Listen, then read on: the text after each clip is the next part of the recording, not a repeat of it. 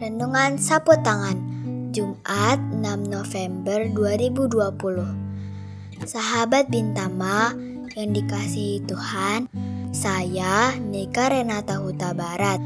Anak sekolah minggu GKI Bintama akan mengajak kita merenungkan tema Tri Mumpuni yang diambil dari Matius 5 ayat 16 Demikianlah hendaknya terangmu bercahaya di depan orang, supaya mereka melihat perbuatan yang baik dan memuliakan Bapamu yang di surga.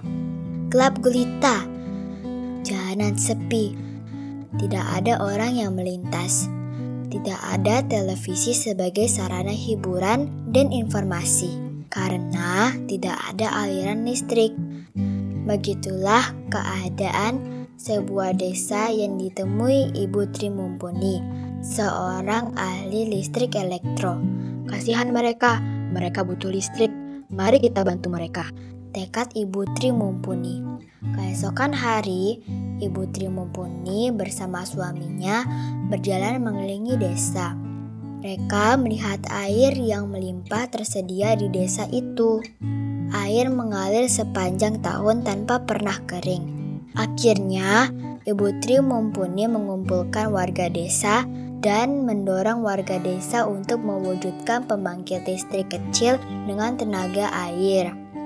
Warga desa dengan bimbingan Ibu Tri Mumpuni bergotong royong membuat pembangkit listrik dan membangun jaringan listrik ke seluruh rumah warga.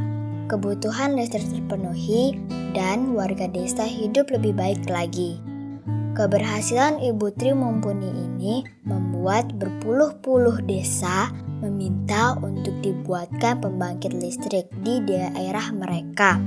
Beberapa daerah yang telah berhasil membangun instalasi listrik membantu Ibu Tri Mumpuni menghadirkan listrik di wilayah terpencil lainnya. Sahabat Bintama yang dikasihi Tuhan, kisah Ibu Tri Mumpuni adalah contoh dari hidup yang menjadi terang dan berkat bagi sesama. Ibu Tri Mumpuni melakukan perbuatan yang baik sehingga mampu memberikan manfaat bagi sesamanya. Yuk, kita menjadi berkat dan terang bagi sesama kita dengan melakukan perbuatan baik hari ini supaya orang-orang di sekeliling kita merasakan kasih Tuhan dan memuliakan Bapa di surga. Demikianlah firman Tuhan. Tuhan memberkati.